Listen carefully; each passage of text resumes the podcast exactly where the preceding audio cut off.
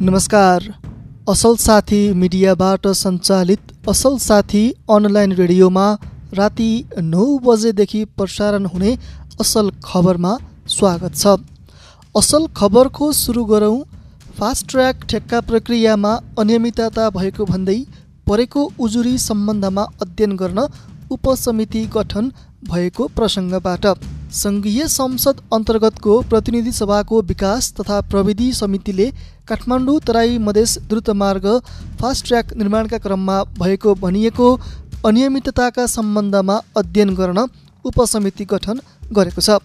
समितिको सोमबार सिंहदरबारमा बसेको बैठकले फास्ट ट्र्याक द्रुतमार्ग निर्माणको दोस्रो चरणको ठेक्का प्रक्रियामा भएको भनिएको अनियमितता बारेमा अध्ययन गर्न सांसद गणेश पहाडीको संयोजकत्वमा उपसमिति गठन गरेको हो।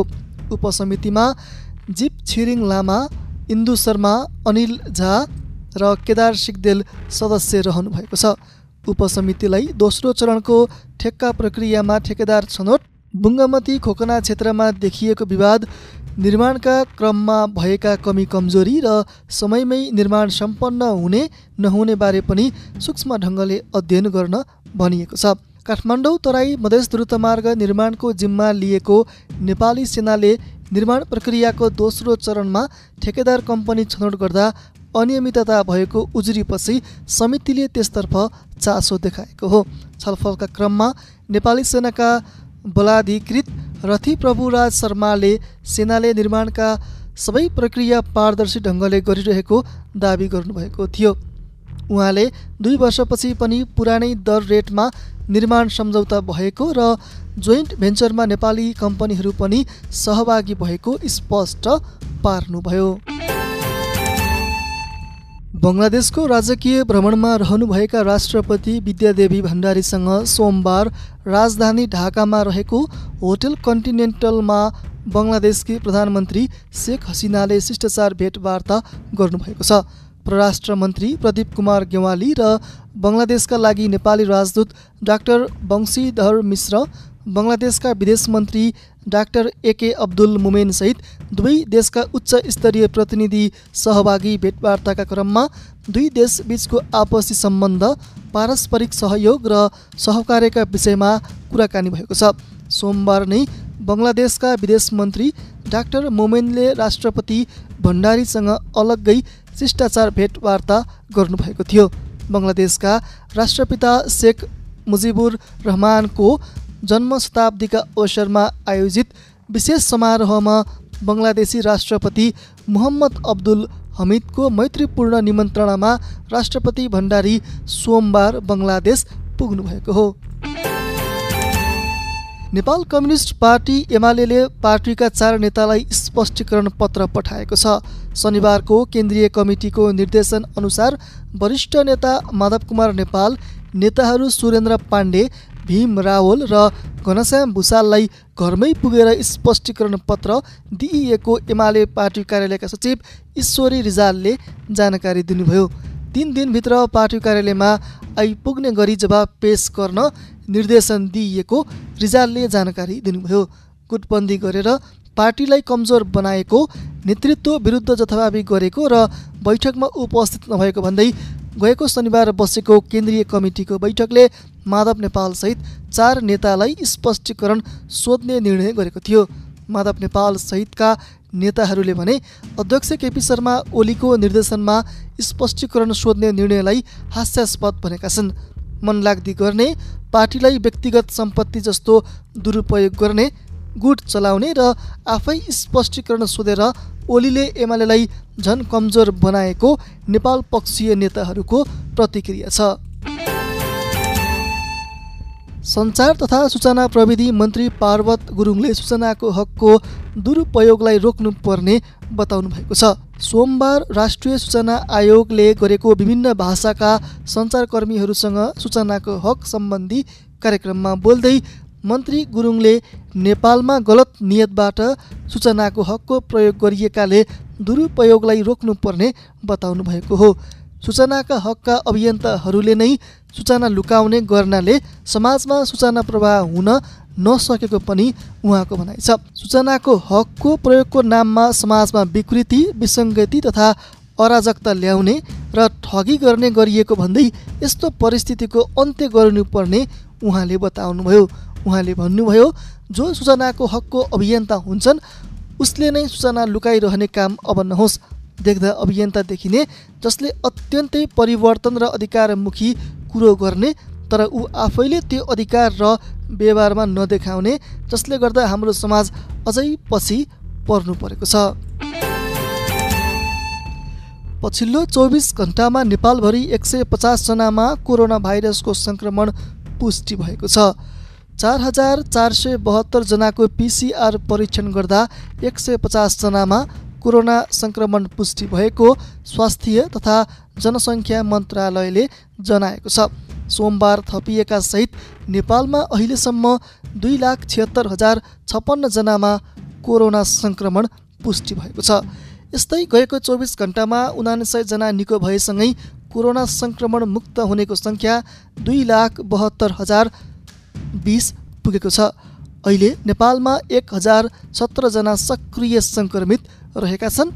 यस्तै थप तिनजनाको ज्यान गएसँगै कोरोना सङ्क्रमणबाट ज्यान गुमाउनेको सङ्ख्या तिन हजार उन्नाइस पुगेको छ।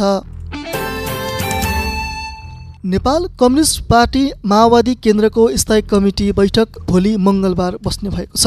मङ्गलबार बिहान आठ बजे केन्द्रीय कार्यालय पेरिस डाँडामा बैठक बस्ने माओवादी केन्द्रले जनाएको छ। बैठकमा ओली सरकारलाई दिएको समर्थन फिर्ता लिने नलिने र सत्ता साझेदारीको विषयमा छलफल हुनेछ। नेपाली काङ्ग्रेस र जनता समाजवादी पार्टीसँगको गठबन्धनका विषयमा पनि बैठकमा छलफल हुने एक सदस्यले बताएका छन्। स्थायी कमिटी बैठकमा पछिल्लो राजनैतिक घटनाक्रम पार्टीका आउँदो कार्ययोजना लगायतबारे पनि छलफल हुने बताइएको छ। सरकारले महँगा गाडी आयातमा लगाएको प्रतिबन्ध फुकुवा गरेको छ। उद्योग वाणिज्य तथा आपूर्ति मन्त्रालयको सिफारिसमा फागुन पच्चिस गते बसेको मन्त्री परिषद बैठकले पचास हजार डलरभन्दा माथि मूल्यका सवारी साधन आयातमा लगाइएको प्रतिबन्ध फकुवा गर्ने निर्णय गरेको हो। उक्त निर्णयको सूचना सोमबारको राजपत्रमा प्रकाशित भएको छ। मुलुकमा कोभिड महामारी सुरु भएपछि गत वर्ष चैत सोह्र गतेको मन्त्री परिषद बैठकले विदेशी मुद्रा सञ्चितका लागि भन्दै महँगा सवारी र कृषि उपजको आयातमा कडाई गरेको थियो। दुई हजार छिहत्तर चैत चौबिसको प्रकाशित राजपत्रको सूचनाले पचास हजार डलरभन्दा माथि मूल्यका सवारी साधनसँगै केराउ मरिच सुपारी र छोकडा जस्ता वस्तु आयातमा प्रतिबन्ध लगाएको थियो। यस्तै प्रतिबन्ध हटे पनि परिणात्मक बन्देजको परिमाण नखुलेको केराउ मरिच सुपारी र छोकडा सम्बन्धमा पनि राजपत्रले प्रस्ट्याएको छ। सूचना अनुसार अब एकजना व्यवसायीले वार्षिक अस्सी हजार मेट्रिक टन केराउ आयात गर्न पाउनेछन्। सुपारी पच्चिस हजार मेट्रिक टन र छोकडा पाँच हजार मेट्रिक टन आयात गर्न पाइनेछ भने नधुलाइएको मरिच एकजना व्यवसायीले एक वर्षमा पन्ध्र हजार मेट्रिक टन आयात गर्न पाउनेछन्। सेयर बजार परिसूचक नेप्से सोमबार चौबिस अङ्कले घटेको छ। होटल तथा पर्यटन र व्यापार बाहेक अन्य सबै समूहको सेयर ओह्रालो लागेपछि नेप्से चौबिस दशमलव शून्य आठ अङ्कले घटेर पच्चिस सय चौध दशमलव तिन नौ बिन्दुमा झरेको छ। सोमबार बैङ्किङ समूहको सेयर एक्काइस अङ्कले विकास बैङ्कको उन्नाइस अङ्कले फाइनेन्स समूहको आठ माइक्रो फाइनेन्सको बयानब्बे उत्पादनको एक सय उन्तिस अन्यको तिस जीवन बिमाको तिन सय पन्ध्र र निर्जीवन बिमा समूहको सेयर एक सय तिरासी अङ्कले घटेको छ। दुई सय एघार कम्पनीका एक करोड नौ लाख एकतिस हजार किता सेयर पाँच अर्ब पैँतिस करोड रुपैयाँमा किनबेच भएका छन्। सबैभन्दा धेरै माथिल्लो तामाकोसीको छ्यालिस करोड छ्यानब्बे लाख रुपैयाँको सेयर कारोबार भएको छ। प्रुडेन्सियल इन्सुरेन्स र सपोर्ट लघुवित्त कम्पनीको सेयर चार प्रतिशतभन्दा धेरैले घटेको छ। समग्र बजार घटे पनि माथिल्लो तामाकोसी जलविद्युत र चन्द्रागिरी हिल्स कम्पनीको सेयर मूल्य दस प्रतिशतले बढेको छ। सोलुखुम्बुको गोक्यो ताल छेउमा रेकर्ड भएको गीत गोक्योरीले विश्व कीर्तिमान बनाएको छ। चार हजार आठ सय तेह्र मिटर उचाइमा गएको फागुनमा रेकर्ड गरिएको गीत र म्युजिक भिडियोलाई गिनिस बुक अफ वर्ल्ड रेकर्डले विश्वकै अग्लो ठाउँमा रेकर्ड गरेको गीत तथा म्युजिक भिडियोको रूपमा सूचीकृत गरेको हो। गोक्योरी गीत नेपालको पर्यटन क्षेत्रलाई लक्षित गरी पर्यटन व्यवसाय समेत रहेका निर्माता लक्ष्मण कार्की पर्यटन व्यवसायी सञ्च बहादुर राई कार्यक्रमका संयोजक तथा तीन पटकसम्म विश्व कीर्तिमान राख्न सफल पुष्कर नेपाल मिडिया व्यवसायी तथा सिनेमाटोग्राफर राजन खरेल र बाँसुरी वादक पावल राईले निर्माण गरेका हुन्। कोरोना महामारीले थलिएको पर्यटन व्यवसायलाई फेरि स्थापित गराउन गोक्योरी बोलको गीतको रेकर्ड र म्युजिक भिडियो बनाएको पर्यटन व्यवसायी लक्ष्मण कार्कीले बताउनुभयो। बबिना राईको आवाजमा रहेको गीत मिल किरातीले लेख्नुभएको हो। म्युजिक भिडियोको निर्देशन दुर्लभ जन्तरे बुद्धिराज राईले गर्नुभएको छ। राति नौ बजेदेखि प्रसारण भइरहेको असल खबरमा अब खेल समाचार। त्रिदेशीय फुटबल प्रतियोगिताका लागि नेपालको कप्तानी गोलकिपर किरण चेम्जोङले गर्ने भएका छन्।